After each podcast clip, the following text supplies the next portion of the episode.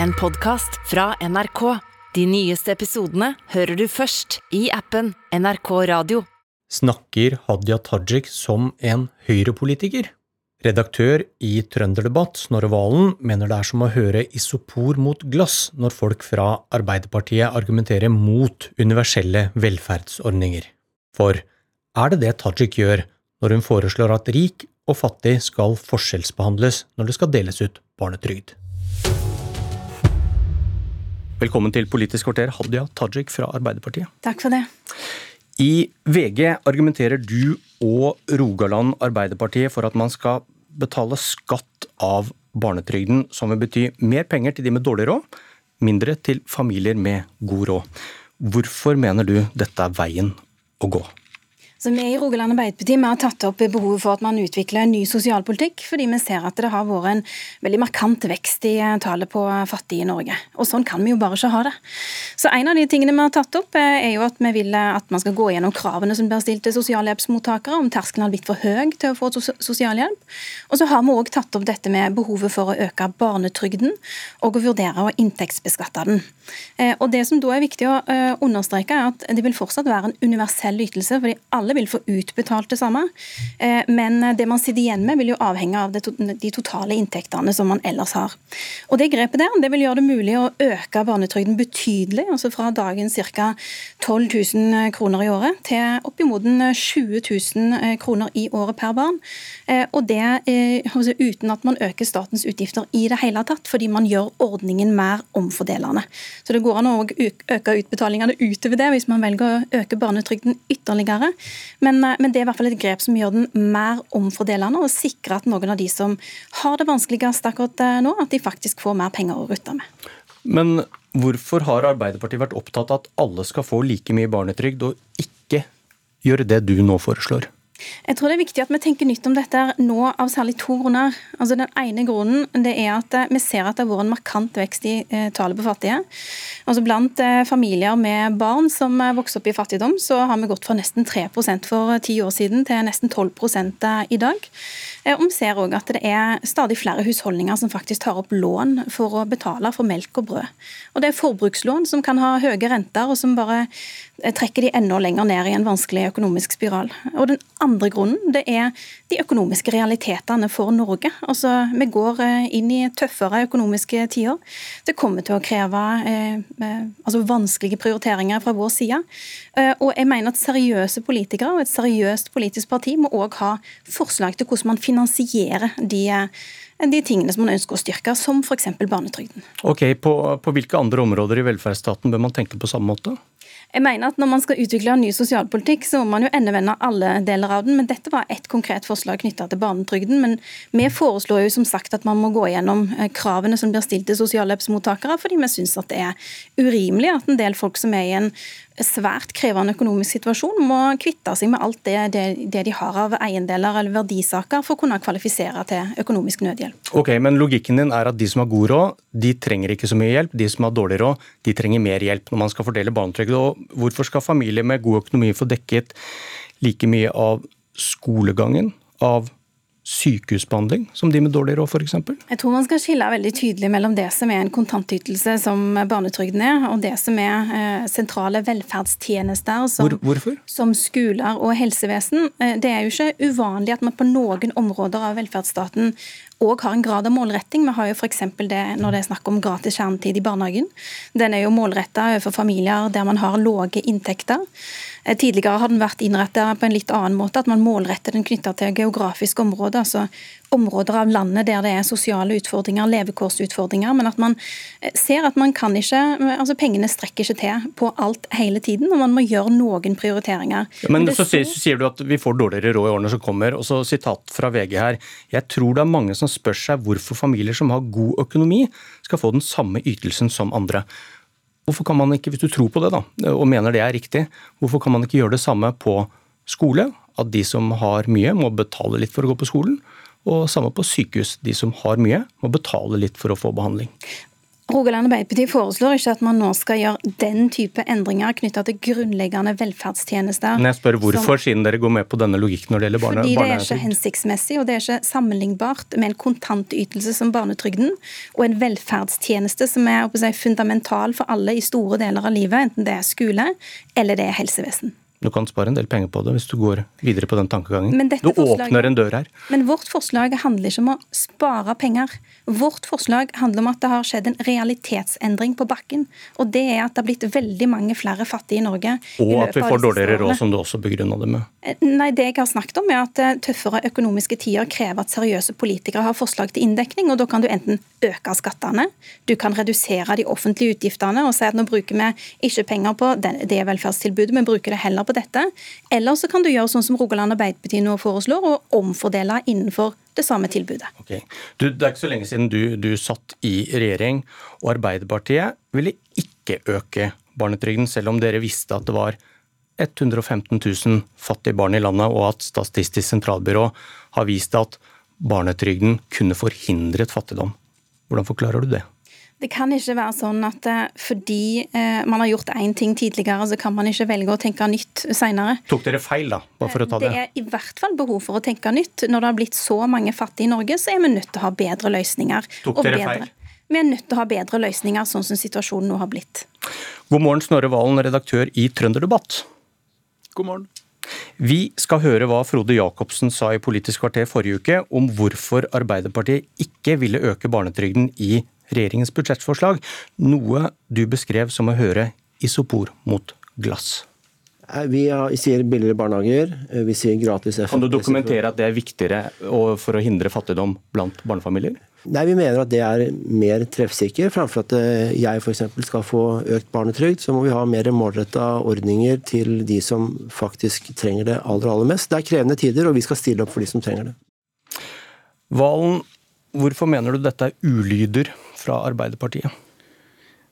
Fordi rollene i norsk debatt vanligvis pleier å være eh, motsatt. Altså, denne Debatten om skattlegging av barnetrygd er jo ikke ny. Venstre har ment det en god stund. Eh, hvis du spurte ledende SV-politikere for 10-15 år siden, så var det mange i SV som tok til orde for det. Forskjellen er at i tidligere runder da, så er det jo nettopp Arbeiderpartiet som har kommet inn i rommet og sagt nei, sånn eh, fungerer det ikke. Det er lurt at alle får samme velferd. Velferden er lik for alle. Alle har betalt for den gjennom skatt. Eh, og Hvis vi begynner å tukle med det, så tukler vi med oppslutning om velferdsstaten, og vi gjør den mindre effektiv. Eh, så jeg syns det er interessant også i et litt sånn eh, politisk historisk perspektiv at det vi ser nå, er jo en veldig mye mindre følelse av forpliktelse i deler av Arbeiderpartiet til nettopp det universelle med velferdsordninger. De snakker mer om velferdsordninger som sosialpolitikk, som Tajik gjorde i stad. Og det samtidig som en mye mer samla høyreside enn før da, slutter opp om universelle velferdsordninger. Og Det eh, tror jeg de færreste av oss ville ha forutsett da, for ja, fem, seks, sju år siden. Men forstår du hvor det kommer fra? Du hørte begrunnelsen fra Tajik her, at eh, fattigdommen har økt, og Norge får dårligere råd. Ja, selvfølgelig. Altså, motivasjonen er ikke vanskelig å skjønne i det hele tatt. Og det er en veldig besnærende tanke å løse det her gjennom skattlegging. Eh, men jeg tror at noen ganger så står man i fare for å bli litt for lur for seg sjøl, og lure seg sjøl. For hvis målet er at de med lite skal sitte igjen med litt mer, og de med mye skal sitte igjen med litt mindre, så finnes det en veldig mye enklere måte å løse det på. og det er jo endre litt på skattesystemet og vippe litt på det. Eh, noe av hele poenget med barnetrygda er jo at det ikke bare er en kontantytelse. Det er en velferdsordning for alle som har barn, og det betyr at den nyter stor oppslutning. Eh, jeg syns det er pussig eh, å høre argumentet vi må prioritere hardt, vi har ikke råd til dette, når budsjettforliket som øker barnetrygda er mindre enn to døgn gammelt. og når regjeringa på eget initiativ har økt skattene med mange titalls milliarder kroner i år. Så det er jo tydeligvis både aktuelt å øke skattene og øke barnetrygda. Og da er eh, det dilemmaet Tajik tegner opp, da, det er litt sånn, eh, et litt falskt premiss eh, som jeg ikke tror alle vil være med på. Altså det Snorre Valen har helt rett i, er at dette er ikke noen ny debatt. Vi har jo òg hatt den debatten i Arbeiderpartiet tidligere. og jeg ser også at Når debatten nå er reist på nytt, så er det òg tidligere stortingsrepresentanter for Arbeiderpartiet som påpeker nettopp det, at dette er en viktig diskusjon for arbeiderbevegelsen. Um, da barnetrygden ble innført i 1946 av Einar Gerhardsen, så, så var den faktisk ikke skattefri. Det var en systemendring som kom på et senere tidspunkt. Det argumentet som Snorre Valen har knytta til oppslutningen av velferdsstaten, det eh, har jeg stor forståelse for. Dette med at fattig og rik må ha like rettigheter, jeg syns det er et relevant argument. Men nå er det tross alt sånn eh, at vi lever i en situasjon der folk faktisk går sultne i landet vårt. Folk fryser. Og det at man har den type vekst i fattigdom som vi har sett, som vi ikke har hatt gode nok løsninger for, det i mm. seg sjøl svekker oppslutningen til velferdsstaten. Vi må gjøre velferdsstaten bedre. Det er det jeg tar til orde for. Valen? Ja, og Det er jo en virkelighetsbeskrivelse jeg er fullstendig enig i. Og, og Både den tidligere rød-grønne manglende viljen til å styrke barnetrygda nettopp den grunnen, eh, og den, eh, den, delen av arbeidslinja som Tajik nå tar til orde for å endre, altså de harde kravene til å motta sosialhjelp, det tror jeg er veldig lurt av Arbeiderpartiet å, å se nærmere på. Men jeg tror òg det både er risikabelt for barnetrygda som ordning, som dokumenterbart eh, bekjemper fattigdom, spesielt for de familiene med de minste barna. Eh, jeg tror både det eh, og, og bare det å åpne diskusjonen om at hva du får ut av en velferdsordning avhenger av hva du tjener, det er ganske risikabelt å gjøre for et Arbeiderparti som nå har borgerlige motstandere som har omsider begynt å lytte til salige Kåre Willoch. Eh, jeg syns det er veldig rart og, til å bli litt sånn betenkt og bekymra over når det er Henrik Asheim fra Høyre som for tida er den tydeligste forsvareren av brei universell økning av en velferdsordning, som også vil ha den effekten at det bekjemper fattigdom. Ok, takk Snorre Valen. Hør Politisk kvarter som podkast når du vil i appen NRK Radio. I går kveld kom Dagbladet med en sak der du, Hadia Tajik, sier at du er glad for å være ferdig med pendlerboligsaken. Samme kveld kom Aftenposten med en sak om at du får dekket pendlerreiser mellom Oslo og Sandnes, der foreldrene dine bor. Hvorfor skal du få dekket disse reisene som pendlerreiser? Nå er det sånn at Jeg representerer Rogaland på Stortinget. Eh, og så har skatteetaten kontrollert de aller fleste stortingsrepresentanter, meg sjøl inkludert.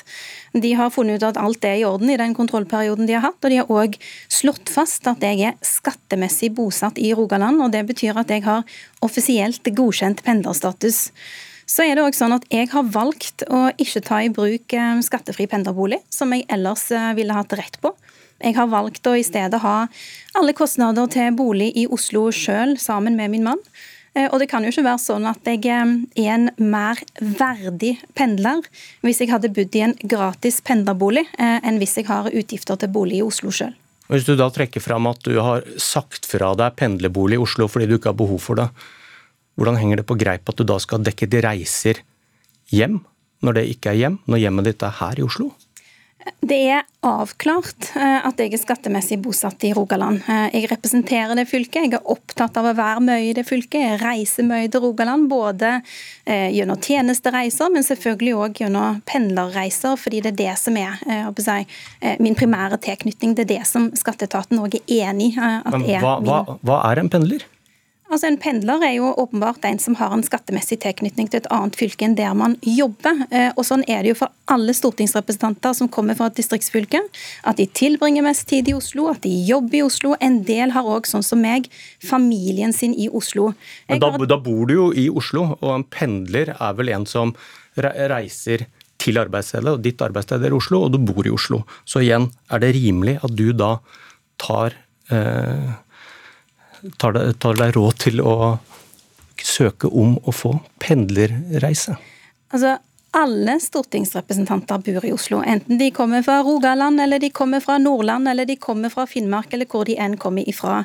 Eh, og ganske mange har òg valgt å ha familiene sine i Oslo. Jeg har et barn som går i barnehagen i Oslo. Men det endrer ikke på det faktum at eh, jeg representerer Rogaland og er skattemessig bosatt der. Det er derfor disse reglene er lagd sånn som de er lagd. Du har ikke et hus, et hjem i Rogaland, har du det? Jeg har eid og bodd i en leilighet i Sandnes i mange år. Men ikke nå lenger? Valgte å selge den leiligheten da ungen min var seks uker gammel, fordi jeg ville ha en litt større plass i Rogaland. Og mens jeg har vært på leiting etter en litt større plass, så har jeg hatt foreldrehjemmet mitt som base i Sandnes. Helt i tråd med regelverket for stortingsrepresentanter. Nå har jeg òg funnet en plass da i Strand kommune, som er kommunen jeg vokste opp i. Eh, og jeg er i gang med å flytte der. Og alt dette her kjenner òg Aftenposten til. De har bare valgt å ikke fortelle leserne sine om det. Ok, Takk skal du ha, Hadia Tajik. Dette var Politisk kvarter. Jeg heter Bjørn Myklebust.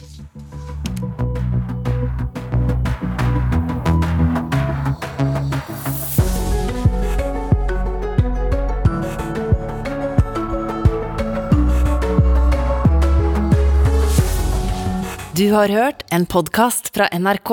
De nyeste episodene hører du først i appen NRK Radio.